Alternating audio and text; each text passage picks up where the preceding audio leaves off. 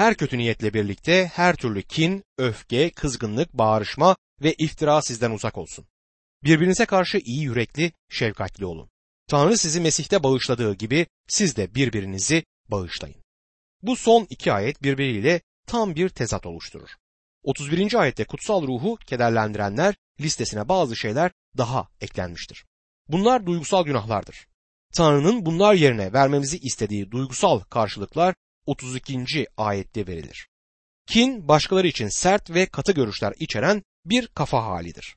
Bir keresinde birisi yanıma gelip başka bir Hristiyan hakkında düşüncelerini söylemişti. Orada bulunan üçüncü bir Hristiyan daha sonra bana onun sözlerine fazla önem verme. Çünkü o içinde acılık taşıyor dedi. Günümüzde birçok insan içindeki acılık tarafından yönetilerek konuşurlar. Ve bunu yaptıklarında zarar verirler. Kutsal ruhu kederlendirmektedirler. Öfke ve kızgınlık bunlar patlayan duygulardır. Psikopos More bunlar arasında şu ayrımı yapar. Öfke aşırı bir tutkudur ve kızgınlık kroniktir. Bağırışma varsayılan haklar ve şikayetlerin cesur bir şekilde dile getirilme biçimidir. Kilisede eğer vaiz ellerini sıkmazsa vaizin kendileriyle ilgilenmediğini düşünen insanlar var. Bazen de kendilerinin küçümsendiğini düşündükleri bir şeyden ötürü acılık taşıyıp patırtı çıkartırlar. Vaizin insanları mutlu tutmak için oradan oraya koşup herkesin elini sıkması gerektiğini kim söyleyebilir? Kutsal ruhu kederlendiren işte bu tür bir tutumdur. Sövgü, küfürdür. Daha önce de gördüğümüz gibi dondurulmuş bir nefrettir. Sizden uzak olsun diyor. Bütün bu günahların bir kenara konulması ya da alıp götürülmesi gerekir. Yunancası şimdiki zamanda kullanılan bir emirdir. Kutsal ruh kederlendirilmeyecekse bir kere de yapılacak kesin bir etkinliği gerektirir. Şimdi tezata geldik. Olun diyor. Bu söz inanlıda gerçekleşmesi gereken radikal değişiklikten söz eder. Öyle ki inanının yaşamında bir boşluk kalmamalıdır. Birbirinize karşı iyi yürekli sözü Hristiyan nezaketi anlamına gelmektedir. Şefkatli bundan daha kuvvetli bir sözcüktür. Derin ve yumuşak bir sevgiyle dolu olmak anlamına gelir. Bazı inanlılar böyle. İnsana harikulade dostlar oluyorlar. Sizi gördüklerinde kollarını boynunuza dolarlar. Bir arkadaşımla birlikte üniversiteye sonra da ilahiyat fakültesine gittik. Sonra yıllar boyunca ona toplantılarda yardımcı oldum. Bir süre önce birbirimizi gördüğümüzde birbirimizin kollarına atıldık. Birbirimize karşı şefkatliydik. Birbirimizi Rab'de seviyoruz. Birbirinizi bağışlayın. Başka insanların hatalarını büyütecek yerde onları bağışlamalıyız. Tanrı sizi Mesih'te bağışladığı gibi diyor. Bütün bunlar çifte bir temel üzerinde yapılmalıdır. İlk olarak bu tür davranmak kutsal ruhu kederlendirmeyecektir. İkinci olarak bağışlamanın temeli yasa değil, lütuftur. Bu yasa altında verilmiş olan bir buyruk değildir. Mesih bizler için öldüğünden Tanrı'nın bizi bağışlayarak gösterdiği lütfu bu ayet temel alır. Bizler kendimiz bağışlandığımız için bağışlamamız gerekmektedir. Bağışlanmak için bağışlamalıyız. Tezata dikkat edin. Mesih dağdaki vaazda başkalarının suçlarını bağışlarsanız göksel babanız da sizin suçlarınızı bağışlar. Ama siz başkalarının suçlarını bağışlamazsanız babanız da sizin suçlarınızı bağışlamaz demiştir. Matta 6. bölüm 14 ve 15. ayetlerde. Bağışlamanın yasal temelini bu ayet bize bildirir. Burada bizlere Mesih bizler için öldüğünden Tanrı'nın bizleri Mesih uğruna affetmesinde sergilediği lütfu temel alarak bağışlamamız gerektiği söylenir. Bu da çok harika bir temelde uygulanması pratik olan bir buyruktur. Efesliler 5. bölümde bazı benzetmelerle karşı karşıyayız. Kilisenin bir gelin olacağı bu benzetmelerden birisidir. 4. bölümde kiliseye yeni yaratılış denilmişti ve şimdi de kiliseye gelin denilmektedir. Bu bölümde vurgu gelecektir. Kilise bir gelin olacaktır. Kilise günümüzde bir gelin değildir. Kilise dünyada yaşayan yeni bir yaratılıştır ve kilise Mesih'e nişanlanmıştır. Ama henüz onunla evlenmemiştir. Yani düğün henüz olmamıştır. Kilise Mesih gelip bizleri göğe aldıktan sonra onunla birlikte olan gelini olacaktır. Vahiy 21. bölüm 2 ila 9. ayetler arasında bu anlatılır. Şöyle yazar. Kutsal kentin yeni Yaruşilim'in gökten Tanrı'nın yanından indiğini gördüm. Güveyi için hazırlanmış süslü bir gelin gibiydi. Tahttan yükselen gür bir sesin şöyle dediğini işittim. İşte Tanrı'nın konutu insanların arasındadır. Tanrı onların arasında yaşayacak. Onlar onun halkı olacaklar. Tanrı'nın kendisi de onların arasında bulunacak. Onların gözlerinden bütün yaşları silecek. Artık ölüm olmayacak. Artık ne yaz, ne ağlayış, ne de ızdırap olacak. Çünkü önceki düzen ortadan kalktı. Tahta oturan işte her şeyi yeniliyorum dedi. Sonra yaz diye ekledi. Çünkü bu sözler güvenilir ve gerçektir. Bana tamam dedi. Alfa ve Omega, başlangıç ve son benim. Susayana yaşam suyunun pınarından karşılıksız su vereceğim. Galip gelen bunları miras alacak. Ben onun tanrısı olacağım. O da bana oğul olacak. Ama korkak, imansız, iğrenç, adam öldüren, fuhuş yapan, büyücü, putperest ve bütün yalancılara gelince onların yeri kükürtle yanan ateş gölüdür. İkinci ölüm budur. Son yedi belayla dolu yedi tası taşıyan yedi melekten biri gelip benimle konuştu. Gel dedi. Kuzuya eş olacak gelini sana göstereyim. Bizlerin bu dünyada gelin olacak biri gibi yaşamamız gerekir. Şimdi nişanlıyız. Elçi Pavlus Korintlere 2. Korintliler 11. bölüm 2. ayette bunu yazmıştır. Sizler için tanrısal bir kıskançlık duyuyorum. Çünkü sizleri el değmemiş kız gibi tek ere Mesih'e sunmak üzere nişanladım. Bir kız nişanlanıp düğüne hazırlanmaya başladığında başka erkeklerle vakit geçirmez ya da başka erkeklerle ilgilenmez. Bu gece Ahmet'le, yarın akşam Mehmet'le, öbür akşam Veli ile çıkmaz. Nişanlanmıştır ve artık başka erkeklere karşı ilgisi yoktur. Mesih'le nişanlanmış olan bizler nasıl olur da dünyanın yaşadığı gibi yaşayabiliriz? Bir gün Mesih'e sunulacağız. Sonsuzluk boyunca onunla yaşayacağız ve o bizim Rabbimiz ve Efendimiz olacak. Şimdi bu bölümün ana hatlarını size ileteyim. İlki kilisenin nişanıdır. İkincisi kilisenin deneyimi ve son olarak kilisenin beklentisi. İlk olarak kilisenin nişanını ele alalım. Efesler 5. bölüm 1 ve 2. ayetler şöyle yazar.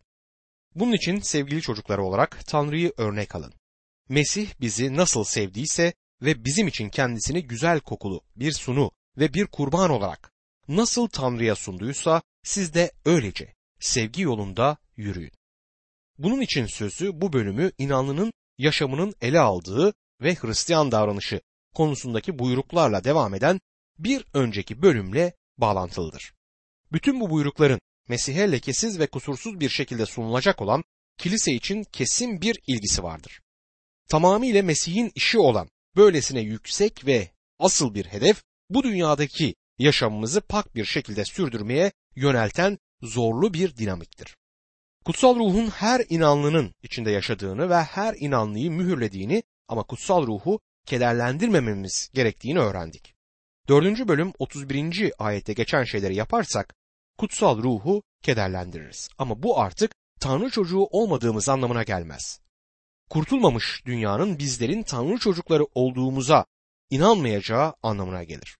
Ancak bizler kurtuluş günü Tanrı'nın ruhunun kiliseyi Rab İsa'ya sunacağı gün için Tanrı'nın ruhu tarafından mühürlendik. Bu hedef bizleri pak davranışlara yöneltmelidir.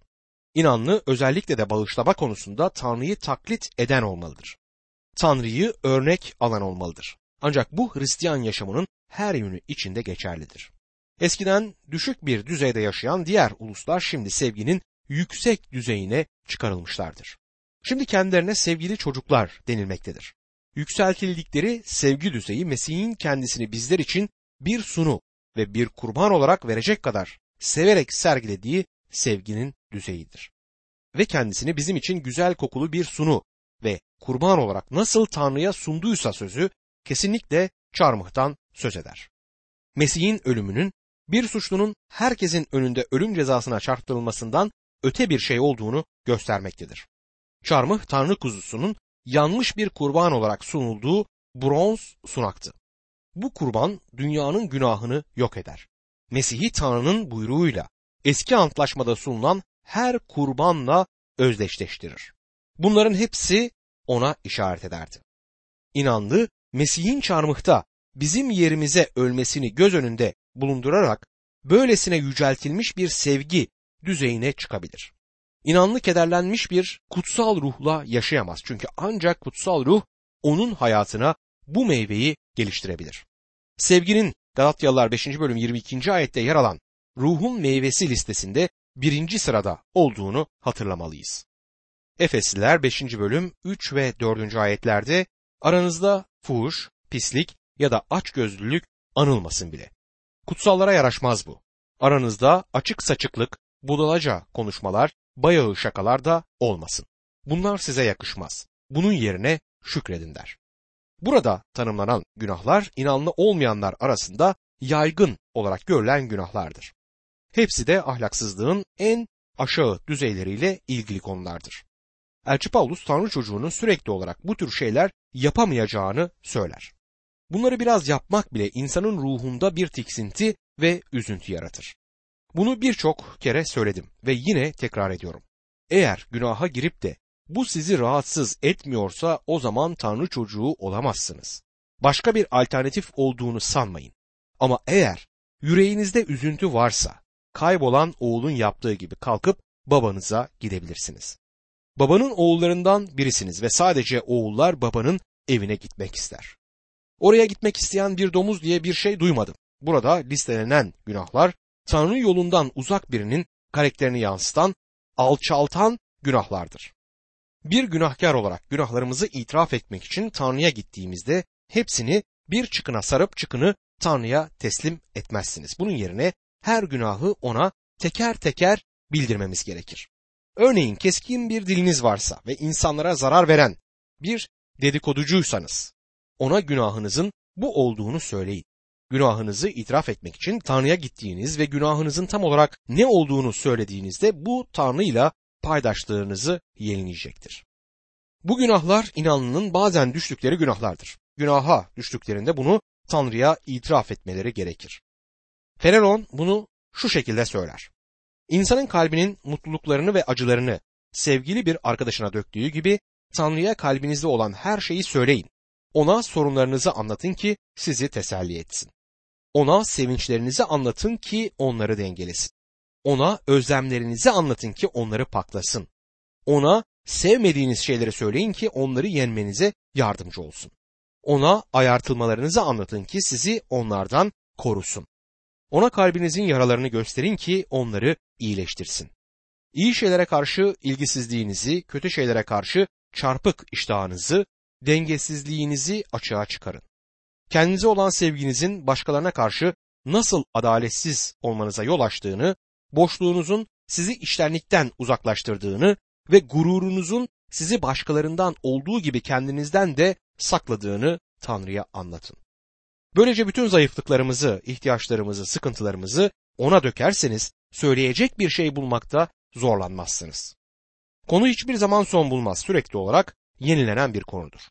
Birbirinden hiçbir gizlisi olmayan insanlar hiçbir zaman konuşacak konu bulmakta zorlanmazlar. Yüreklerinin doluluğundan konuşurlar. Neler söylediklerine dikkat etmezler. Sadece düşündüklerini söylerler. Tanrı ile böylesine yakın, çekingenlikten uzak bir ilişkiye erişmiş olanlara ne mutlu. Bütün inanların büyük ihtiyacı Tanrı'ya gidip ona yüreğimizde gerçekten olan şeyleri anlatmaktır. Birisi çıkıp da Hristiyanların burada listelenen günahları işleyebileceklerini düşünemiyorum bile dediğini duyuyorum. Dostum eğer benim kadar uzun bir zaman vaizlik yapmış olsaydınız bu günahlara düştüklerini bilirdiniz. Birçok Hristiyan bağışlanamaz bir günah işlediklerini düşünür. Ama öyle değildir. Tanrı'ya dönen bir yol vardır. Cinsel ahlaksızlık dünyada normal bir davranış olarak kabul edilmektedir. Çok kötü olmayan bir günah olarak görülür. Günümüzün büyük ahlaksızlığı toplumumuza sızmaya başladığında adına yeni ahlak düzeni denmişti. Bir süre önce üniversitelerin yatakhanelerinde kızlarla erkeklerin ayrı katlarda ama aynı binada kaldıklarını duyduğumuzda birçoğumuz şoke olmuştuk.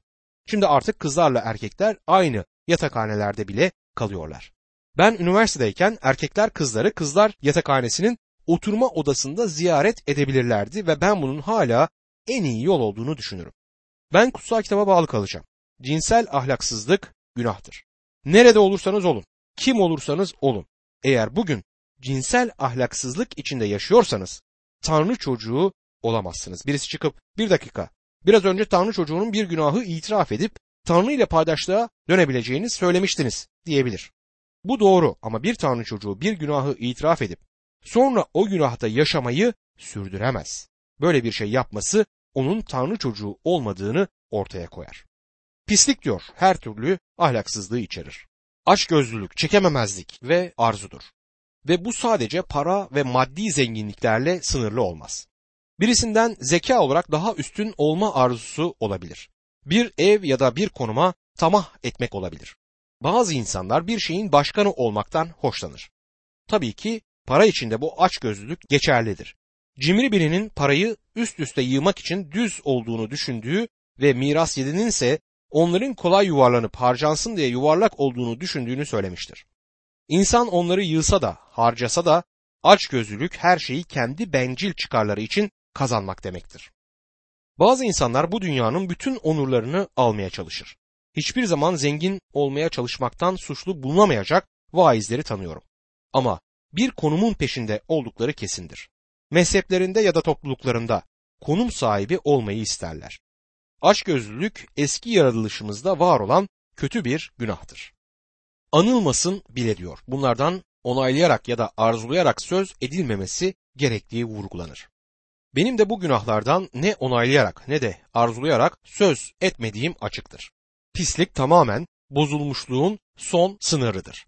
Bunlar günümüz insanının geldiği alçak düzeydeki kirli şeylerdir. Diyor ki budalaca konuşmalar, günah işlemekten şeytanca bir zevk almak ya da günah işlemekle övünmek anlamına gelir. Bir adamın ya da kadının bir partide ne kadar çok içtikleriyle övündüklerini bilmiyorum duydunuz mu? Cinsel alandaki fetihleriyle böbürlenişlerini duyduğunuz oldu mu? Bunlar budalaca konuşmalardır. Bayağı şakalar, iyi temiz fıkralar değildir. Eğer öyle olsaydı bayağı şakalar anlatmaktan suçlu olurdum. Bayağı şakalar cinsellik ve ahlaksızlığı hafife alan seks fıkraları anlamına gelir. Bunun yerine şükredin diyor. Hristiyanın Mesih'e imanının bir çerçevesi olmalıdır. Rab'de çok sevdiğim harika bir Hristiyanla sık sık buluşurduk. Bazen kurtulmamış bir adam bile bize katılırdı. Zaman zaman onun başarısızlıklarından öfkelendiğini gördüm. Hatta bazı zamanlarda ağzına lanet kelimelerini de alırdı. Arkadaşım ise her zaman hamdolsun, Rabbe şükür olsun derdi. İman etmemiş adam neden öyle diyorsun diye sorardı. Hristiyan olan arkadaşımsa sen neden Tanrı'nın ismini boş yere kullanıyorsun diye ona sorardı. Yanıtı ise bu adamın bu bir alışkanlık olurdu. Arkadaşım benim için de bu alışkanlık derdi. Birisinin bir şeyden ötürü Allah kahretsin dediğini her duyduğumda durup bir şeyden ötürü Rabbe teşekkür ederim. Durumu dengelemeye çalışıyorum. Buluştuğumuz bu adam son zamanlarda bela okumuyor ve şükretmeyi bir alışkanlık haline getirmek Hristiyanlar olarak bizim için iyidir. Efesliler 5. bölüm 5. ayette şunu kesinlikle bilin ki fuhuş yapanın, pisliğe düşkün olanın ya da putperest demek olan aç gözlü kişinin Mesih'in ve Tanrı'nın egemenliğinde mirası yoktur der kutsal kitap. Bu günahları işleyen yeniden doğmamış kişinin Mesih'in ve Tanrı'nın egemenliğinde mirası olmadığı açıkça anlaşılmaktadır. Eğer Hristiyan olduğunu söyleyen birisi bu günahları işlerse kendisini derhal sınıflandırmış olur. Pazar günkü tanıklığı ya da kilisedeki konumu her ne olursa olsun böyle bir insan kayıp bir dünyada Tanrı çocuğu olmadığını söylemektedir. Bedenin yozluğunda yaşamak, savrolup gitmek Tanrı çocuğunun yetkisi dışında olan bir şeydir. Efesliler 5. bölüm 6 ve 7. ayetlerde hiç kimse sizi boş sözlerle aldatmasın. Bu şeylerden ötürü Tanrı'nın gazabı söz dinlemeyenlerin üzerine gelir. Onun için böyleleriyle oturup kalkmayın der. Tanrı'nın gazabının bu şeylerden ötürü yeniden doğmamış kişilerin üzerine döküleceği göz önünde bulundurulduğunda Tanrı çocuğunun Tanrı'nın hoşnutsuzluğunu ve yargısını almadan bunlara katılamayacağı sonucu ortaya çıkar. Eğer böyle biri gerçekten Tanrı çocuğuysa Tanrı onu yargılayacaktır. Davut'u yargıladı. Bunu hatırlarsınız. Davut günaha düştüğünde Tanrı onu cezalandırdı. 1. Korintiler 11. bölüm 31 ve 32. ayetler şöyle der. Kendimizi doğrulukla yargılasaydık yargılanmazdık. Dünya ile birlikte mahkum olmayalım diye Rab bizi yargılayıp terbiye ediyor der. Evet Tanrı Davut'u da cezalandırdı, onu terbiye etti. Eğer günah işleyip bunun sonucunda bir şey olmazsa Tanrı çocuğu olamazsınız. Neden biliyor musunuz? Çünkü Tanrı'nın sizi dünya ile birlikte suçlaması o zaman gerekir. Bunun da anlamı sizin kurtulmamış olduğunuzdur. Eğer bir Tanrı çocuğuysanız ve bu şeyleri yapıyorsanız Tanrı sizi cezalandıracaktır. Cezanızı size şimdi ve burada verir. Eğer Tanrı sizi cezalandırmıyorsa korkunç bir durumdasınız demektir. Bu onun çocuğu olmadığınız anlama gelir. Çünkü Tanrı şeytanın çocuklarını bu dünyada dövmez. Efesliler 5. bölüm 8 ila 10. ayetler arasında bir zamanlar karanlıktınız ama şimdi Rab'de ışıksınız. Işık çocukları olarak yaşayın. Çünkü ışığın meyvesi her iyilikte, doğrulukta ve gerçekte görülür. Rabbi neyin hoşnut ettiğini ayırt edin der. Elçi Paulus inanlara Mesih'e iman etmeden önceki durumlarını hatırlatmaktadır. Sadece karanlıkta olmakla kalmazlar. Kendileri karanlıktılar. Yeniden doğmamış insanların karanlıkta olduklarını söyleriz ama durum daha kötüdür. Bir defasında tek başıma bilardo oynamaya gittiğimde kurtulmamış bir adamla birlikte oynadım. Adam konuştukça onun sadece karanlıkta olmadığını, kendisinin karanlık olduğunun farkına vardım. O adamın yaşadığı hayatı bir duysanız bana hak verirdiniz. Şimdi Rab'de ışıksınız. Bunun anlamı bizlerin dünyanın ışığı olanı yansıtmamız gerektiğidir. Elçi Paulus ışığın meyvesinin ne olduğunu söyler. Işığa her zaman eşlik eden o özellikleri gösterir. Her tür iyilik, şefkat demektir. Doğruluk, ahlaksal doğruluk demektir ve gerçek, öncelikle içtenlik ve sahtelikten, uzaklıktan söz eder. İnanlı Tanrı'nın isteğinde olup olmadığını ve böylece Tanrı'yı hoşnut edip etmediğini görmek için hayatını sınamalıdır. 1. Yuhanna 1. bölüm 7. ayette ama o ışıkta olduğu gibi biz de ışıkta yürürsek diyor. Birisi bana Tanrı'nın ışığında yaşamanın ne demek olduğunu sordu. Burada bunun Tanrı sözünden bir tanımı bulunur. Şefkatle, iyilikle, doğrulukla ve içtenlikle ve sahtecilikten uzak olan gerçekte yürüyün. Sadece pazar günleri değil, haftanın 7 günü yürüyüşümüz böyle olmalıdır. Ve bu 7 günün 24 saati ve her saatin 60 dakikası anlamına da gelir. Efesler 5. bölüm 11 ila 13. ayetler arasında karanlığın meyvesiz işlerine katılmayın. Tersine onları açığa çıkarın. Karanlıktakilerin gizlice yaptıklarından söz etmek bile ayıptır. Işığın açığa vurduğu her şey görünür diyor. Karanlığın meyvesiz işlerine katılmamamız gerekir. Işıkla karanlığın fiziksel dünyada birlikte olamadığı gibi Tanrı çocuğu da karanlığın işlerine katılamaz. Çünkü karanlıktakilerin gizlice yaptıkları şeylerden söz etmek bile ayıptır diyor kutsal kitap. Bizim bunlardan söz bile etmememiz gerekir. Bunun yerine onları açığa çıkarmamız ya da kendilerini bundan ötürü utandırmamız gerekmektedir. Bunun anlamı inanlının bir reformcu olması gerektiği değildir.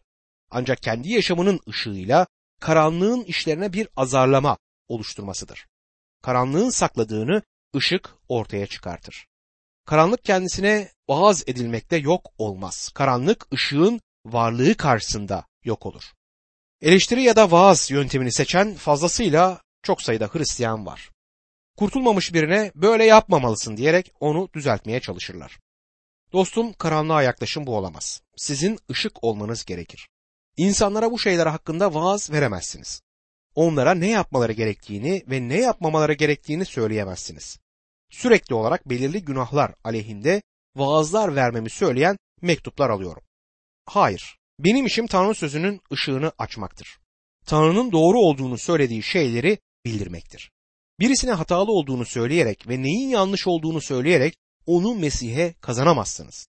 Kurtulmamış kişiye davranışlarını değiştirmeye çalışamazsınız. Davranışlarını değiştiremez. Değişebilmek için yeniden doğması gerekir. Parmağınızı bu kişinin burnunun dibinde sallayıp bunu yapma, kötü bir çocuk olma diyemezsiniz. Sizin ışık olmanız gerekir ve ışık karanlığı her zaman etkiler. Büyük bir kentin merkezinde bir kilisede vaizken kilisemdeki topluluğumuza eskiden devam eden bir hanımı hatırlıyorum. Karakteri oldukça dominant yani baskın bir karakterdi. Bana gelip kocasının kurtulmamış olduğunu söyledi ve benden kocasını dualarımda hatırlamamı istedi. Ben de bunu sadıkça yerine getirdim. Sonra bana gelip kocasının kiliseye geldiğini ama Mesih'i kurtarıcısı olarak kabul etme davetini hiçbir zaman kabul etmeyeceğini söyledi. Sonra bana şunu anlattı. Kahvaltı masasında kendisiyle Mesih'i kabul etme konusunda gözyaşlarıyla konuşuyorum. Sonra akşam yemeğinde de aynı şeyden bahsedip ağlıyorum. Ben de ağlayan bir kadınla günde iki öğün yemek yemenin nasıl zor olduğunu düşünmeye başladım. Bunun üzerine ona bir daha bu konudan kesinlikle söz etmemesini söyledim. Ona mümkün olan en güzel yemeği pişirecek ve olabildiğince tatlı biri olacaktı. Ama bu bir işe yaramaz. Bizlerin birer tanık olmamız gerek dedi. Gördüğünüz gibi bir tanık olmanın ne anlama geldiğini gerçekte bu bayan anlamamıştı. Her neyse sonunda planı uyguladı. Onun önünde bu konuları konuşmayı kesti ve vaazlar vermekten vazgeçti. Altı aydan kısa bir zaman içinde adam Mesih'i kabul etti. Bundan önce yanlış vaizi dinlemekteydi. Kadının bir ışık olması gerekirken ona vaaz verdiğini görüyoruz. Karanlığın vaazlarla yok olmadığını hatırlatmak isterim. Karanlık ancak ışık tarafından yok edilir.